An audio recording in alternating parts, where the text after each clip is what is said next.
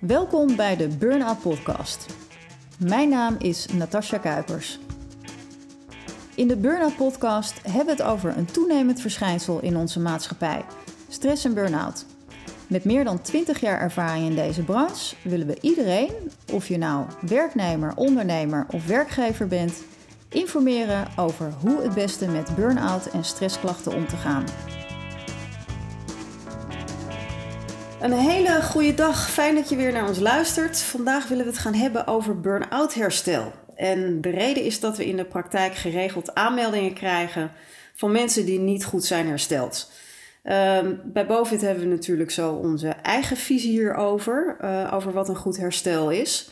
Uh, maar dat wil natuurlijk niet zeggen dat je niet op een andere manier goed kan herstellen. Maar dit is nou eenmaal de manier waar wij inmiddels al 21 jaar mee aan het werk zijn. En uh, nou, waarvan we merken uh, dat dit de beste uitkomst heeft. Nou, en wie kunnen we hier nou beter voor uitnodigen dan de man die hier alles over weet? Bo Bogaert. Welkom Bo. Dankjewel uh, Natasja. Jij bent uh, directeur en uh, oprichter van Bovit. Uh, je bent coach en het eerste contactpunt. Dus dat betekent eigenlijk dat mensen jou als eerste aan de telefoon krijgen als ze zich met burn-out en stressklachten aanmelden. En natuurlijk ook als werkgevers een zieke medewerker aanmelden. Um, kun je een beetje inschatten hoeveel mensen zich aanmelden die niet goed zijn hersteld, of bijvoorbeeld een tweede of derde burn-out hebben? Komt het vaak voor? Nou, kijk, de mensen die uh, contact opnemen met Bovit, die zijn eigenlijk natuurlijk niet hersteld, maar die willen herstellen. Ja. Kijk, want ze bellen niet voor niks. En dan is het ook belangrijk dat ze iemand aan de telefoon krijgen die uh, ja, toch een beetje goed kan uitleggen van wat een burn-out is, als ze dat willen weten. En vervolgens dat ze ook, ja, ook een duidelijk plan van aanpak krijgen. Ja. waarvan ze ook dan weten van, hé, hey, dat, dat, dat voelt goed en ja, hier wil, wil ik mee aan de slag. Ja, maar wat ik eigenlijk bedoel is dat we natuurlijk ook met mensen te maken hebben die al eens een ander traject ergens uh, hebben gedaan of bij een therapeut zijn ja. geweest en toch nog steeds met burn-out klachten zitten. Ja.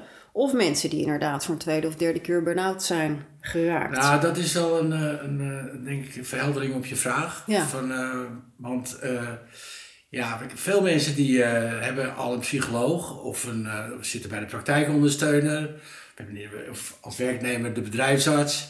En ja, die gaan natuurlijk kijken van wat de diagnose is. Ja. En vanuit de diagnostiek komt er of een behandeling of niet. En dan heeft het ook te maken van, en daar maken wij onderscheid in, van de therapeut is echt voor diagnostiek en behandeling. En wij zijn veel meer gericht op herstel, ontwikkeling en opbouw. Maar ik wil nog even terug, want wat een burn-out is, want dat is natuurlijk ook nog even belangrijk. Want dan krijg je ook een beetje een beeld van uh, hoe wij de aanpak doen. En ja. dan krijg je ook een totaal herstelplan. Nou, eigenlijk heel simpel. De definitie van een burn-out is eigenlijk fysieke, emotionele, mentale uitputting. Dat kan ook nog, dat kan natuurlijk door drie componenten kan dat gebeurd zijn. Dat is een stukje aanleg, karakter en omgevingsfactoren. Nou, en als er dan een aantal gebeurtenissen hebben plaatsgevonden, dan krijg je vaak uh, een, een kortsluiting tussen je gevoel en verstand. En dat gaat zich fysiek uit met allerlei verschillende klachten. Dus eigenlijk voor iedereen een verschillend klachtenpatroon. Mm -hmm.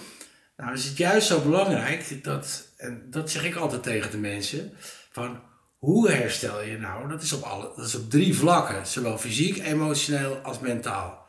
Nou, als je daarmee aan de slag gaat, en dat is de combinatie die wij doen, bewegen en gesprekken, naar echt naar duurzaam herstel en volledige arbeidsgeschiktheid toe, ja, dan, dan krijg je ook, uh, dan gaan mensen er vertrouwen in krijgen. En dan, als ze ook dan een tweede of een derde burn-out uh, hebben gehad, dat ja, dat heeft eigenlijk altijd te maken met dat ze niet goed hersteld zijn. Ja. En eigenlijk, dat merk ik wel, de duizenden mensen die wij al begeleid hebben en de ongeveer, nou ik schat, 30, 40.000 telefoontjes die ik nou uh, inmiddels achter mijn naam heb staan. Mm -hmm. Dat ik wel een duidelijk beeld heb van ja, dat in eerste instantie aandacht op herstel op alle vlakken zoveel rendement geven dat mensen ook echt voor zichzelf gaan zorgen en dat dan ook eigenlijk terugval bijna nihil is. Ja. En dat daardoor na de herstel je ook weer ja, een positief toekomstbeeld krijgt. En dat je ook weer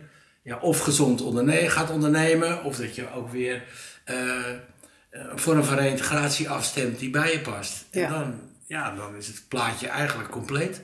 Maar wat, wat mist er dan bijvoorbeeld bij, uh, ik noem maar even een psycholoog. Ik, ik snap ook dat de ene psycholoog is de ander natuurlijk niet. Maar uh, iemand die bijvoorbeeld bij een psycholoog is geweest, uh, waar, waar die toch nog niet helemaal goed is hersteld. Um, wat mist er dan in dat stuk bij die psycholoog? Wat is herstel dan precies? En waar is die psycholoog dan mee bezig? Nou, de, de, de psycholoog is echt, echt bezig met diagnostiek en behandeling. En en alleen een burn-out is eigenlijk niet voor de psycholoog. Want burn-out wordt nog steeds niet omschreven in het DSM-5 handboek voor psychiatrie. Ja. Dus uh, ik kan me nog wel een, uh, uit het verleden, want het is natuurlijk boven, het bestaat nu 22 jaar. En uh, in het verleden heb ik een, een, een sessie gehad met Bram Bakker. En die psychiater, dat is nu oud-psychiater. Ja. Maar ja, die vond het interessant om te kijken hoe wij dat nou deden met herstel. Ja. Nou, en, en hij gaf ook al aan toen, het was al best wel een tijdje geleden, dat die burn-out die toen net opkwam, ja, het werd niet zo serieus genomen. Maar uiteindelijk als je nu weer jaren later en als je zijn verhaal en zijn visie hoort, dan is het verhaal eh, van gevoel, verstand, lijf is zo essentieel. En dat doet de psycholoog en de psychiater en de praktijkondersteuner niet. En, en ik denk dat dat het verschil is. Ja. Alleen, en, en, en het kan ook goed naslopen. Hè? Dus je hebt bijvoorbeeld de burn-out heb je, maar je hebt daarnaast ook angststoornis, angst- en paniekklachten, zo'n depressie en uh, depressieklachten. Uh, daaruit kan een burn-out voortvloeien, maar het kan ook een combinatie zijn. En dan heb je zeg maar ook therapeutische hulp nodig en herstel. Oké, want hoe ziet het er dan uit als je wel goed hersteld bent? Nou, als je goed hersteld bent, dan krijg je weer plezier in het leven. Dan heb je weer, krijg je ontspanning. Dan krijg je natuurlijk evenwicht van geven nemen. Uh, werk privé, arbeid-rustverhouding, kwaliteit en beperkingen. En je zit niet meer in die overlevingsmodus. Je, je, gedrag en handelen ga je, uh, ga je toepassen op wat je uiteindelijk wel en niet wil. Dus dat je ook keuzes gaat maken die bij je mhm. passen. En, en uh, ja, dat is eigenlijk een, een, een, een het complete, uh, nou ja, niet het perfecte, want dat is vaak een valkuil. Ja. Maar je gaat echt, uh, ja, je gaat heel vrij en blij worden. En, je, je trapt niet meer zozeer in die valkuilen en die grenzen. Als er weer wat gebeurt. Ja. Dan ga je echt, dat is echt de definitie van herstel. Ja, en ik, en ik denk ook dat je het zelfstandig ook weer verder kunt. Zeker. Ja, zeker. Want het kan best wel zijn dat je misschien nog wat restklachten hebt. Uh, waar je op zich verder, waar je wel zelfstandig mee verder kunt, zodat ze helemaal verdwijnen. Ja. ja. Maar dat, dat, dat, dat ga je in de loop der tijd slijt dat ook. Want je gaat jezelf steeds weer een podium geven, je pakt de regie. En je raakt ook niet meer zo beïnvloed door de omgeving. Want dat is natuurlijk ook een dingetje dat je, uh, als, je een, als je werknemer bent en je, ja, je, je zit in, in, in zo'n stressmodus dat je alle moet, moet, moet bewijzen en dan heb je ook thuis ook nog druk, uh, ja, alles op en op, opgeteld. Ja, dan gaat die bal natuurlijk wel uh, de andere kant op rollen. Ja. En dan, uh, ja, dan krijg je het zwaar. En dan is het ook maar net van hoe je dan met die druk omgaat. Ja. En hoe jij, hoe, de, hoe jij de omgeving jou onder druk laat zetten. Ja. En dat zijn dan wel belangrijke dingen ja. die je dan, daarin kan, in kan herstellen. Ik ga even terug naar, die, uh, naar dat herstel, want dat is natuurlijk een onderdeel van de bovenmethode. Hè. Die bestaat uit vier fases, waarvan de eerste twee fases gaan over uh, herstel en de derde en vierde gaan over opbouw. Wat houdt die eerste fase dan precies in? Wat, ja. wat doet een bovencoach coach bijvoorbeeld? Nou, wat ik al zei, hè, dat is dat we uh, zeg maar bewegen in gesprekken, dat we dat combineren. Nou, heel veel mensen in het begin zitten heel erg in hun hoofd of zitten heel erg in een gevoel emoties. Die kunnen het niet meer vertalen naar elkaar toe. Nou, het is juist omdat je beweegt dat je eerst leert van dat je weer vertrouwen krijgt in je lijf. Dat je vanuit een inspanning een ontspanning gaat creëren. Dus een ontspannen lichaamshouding, gerichte buikademhaling en verantwoorde conditieopbouw. En het is geen sport, want dat is voor gezonde mensen, het is de beweging. Vanuit vertrouwen, vanuit wennen, zeg maar, gaat dat over naar vertrouwen. Dat je ook makkelijker gaat eh, beseffen en bewust gaat worden dat je ziek bent, dat je dat accepteert. Ja. Dat je daardoor ook je gevoelens en emoties, dat die dan naar boven komen en vervolgens dat je dat gaat uiten en uiteindelijk gaat delen. En van daaruit, en dat is de opbouw, dat je het gaat relativeren naar je hoofd, naar je ratio. En dan krijg je rust en ruimte. En dat zijn eigenlijk de, dat is eigenlijk de herstelfase. Ja. Dus werken naar die gezonde basis, fysiek, emotioneel, mentaal. Ja. En van daaruit dat je dan ook gaat doen. Dus denken, voelen, doen, ah, dat is continu aanwezig. Ja, dus daarna, naast inderdaad wat je zegt, die herstelfase is weer terug naar een gezonde basis. Juist. En van daaruit ga je werken naar de opbouw. Ja. Eh, kijken wat je wil in je leven. Wat wil je met je werk? Welke keuzes ga je maken? Eh, hoe, hoe blijf je gezond? Hoe zorg je ervoor dat je niet meer terugvalt eigenlijk in die...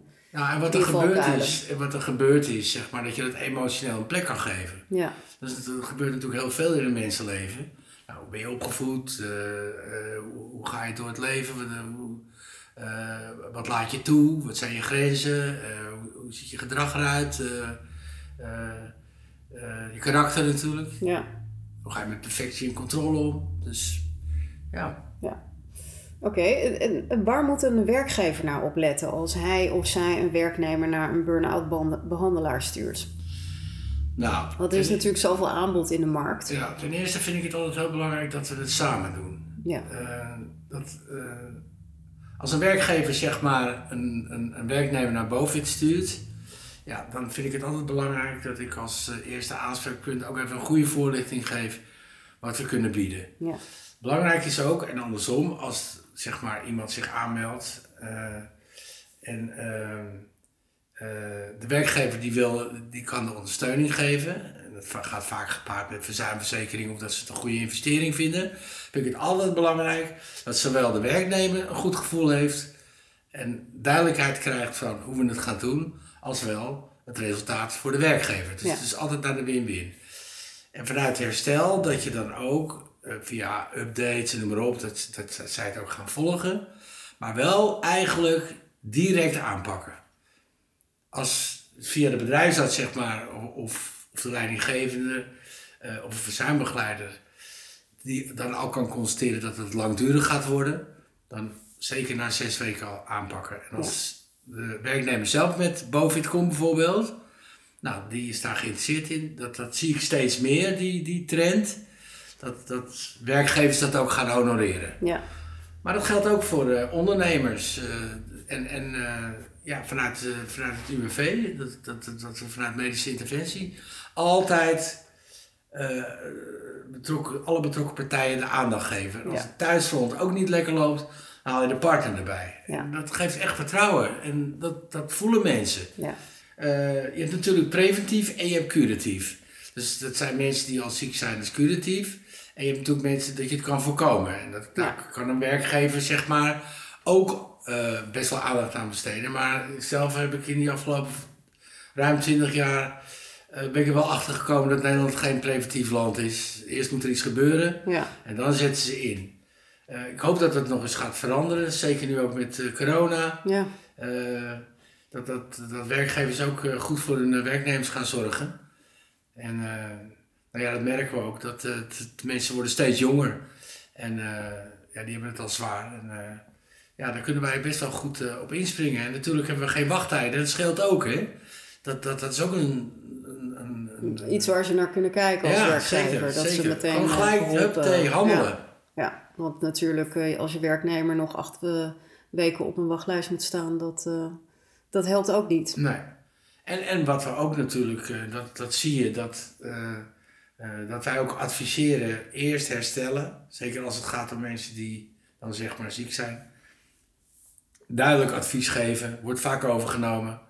En dat je dan ook makkelijker ook in kan springen op, op een reïntegratievorm. En dat de mensen dan ook door herstel keuzes gaan maken. Wat wil ik, wat wil ik nou, wat wil ik niet Ja, zodat ze ook echt kunnen zeggen van nou, wil ik weer terug in die functie? Eh, wil ik een andere functie? Wil ik een mixfunctie? Eh wil, ik, eh, wil ik weg? Gaan we goed afscheid nemen van elkaar? En daar werken we naartoe. naartoe. En dan zie je dat, ja, dat werkgevers daar ook erg tevreden over zijn. Zodat, omdat ja, er gebeurt wat. Ja. Oké. En daar geloof ik heel erg in. Activeren, activeren, activeren. Met rust en niet de druk erop, maar met een duidelijk plan en dan kom je tot een resultaat. Ja. Ja, het is in ieder geval heel duidelijk dat die basis eerst goed moet zijn voordat daar eh, aan gewerkt wordt. En daar wordt echt zo weinig aandacht aan besteed. En Ja. Ja, dat merk je. Je ziet nu wel op de markt dat er wel eh, ja, aardig wat wandelcoaches eh, naar boven komen. Maar goed, ik, eh, ik- en ik snap ook wel dat ehm, ja, mensen die eh, in een burn-out terechtkomen, dat die ook, en die willen gelijk hulp, dat, dat, dat het best wel lastig is om wat te vinden. Ja, absoluut. Maar wij, wij, ik, ja, wij kunnen wel zeggen dat we nu zo... eh, Ja. zo betrouwbaar zijn geworden en zichtbaar en, en, en duizenden mensen hebben geholpen. Dus, maar ik hoef geen verkoopverhaal te vertellen, want we hebben ons al wel bewezen. Dus, eh, Het is, het is duidelijk natuurlijk gewoon mooi om te zien dat als je iemand niet kent en je, je mag eh, de persoon een stukje begeleiden. En aan het eind van de rit zie je een lachende en een spontaniteit en een vrije, blije persoon. Nou, dan uh, dat verveelt nooit. Ja. Nou, dankjewel Bo voor, uh, voor je tijd uh, die je hier ingestoken hebt om hier naartoe te komen. Het is in ieder geval duidelijk dat burn-out herstel te maken heeft met een goede basis, dat het daar begint. Ja. Op alle en, vlakken, hè? Op alle vlakken, zowel fysiek, emotioneel als, als mentaal. En um, nou, dankjewel. Ook jij thuis voor het luisteren of waar je dan ook bent. En ik hoop je, dat je de volgende keer weer bij bent. Dank je voor het luisteren naar de Burnout Podcast. Wil je meer lezen over stress en burn-out? Kijk dan op onze website www.bovit.nl. Hier vind je blogs, nieuws en ervaringen van mensen die een burn-out hebben gehad en zijn hersteld. Heb jij genoten van deze aflevering? We zouden het heel erg waarderen als je onze podcast aan anderen aanraadt en of een review geeft. Tot de volgende Burnout Podcast.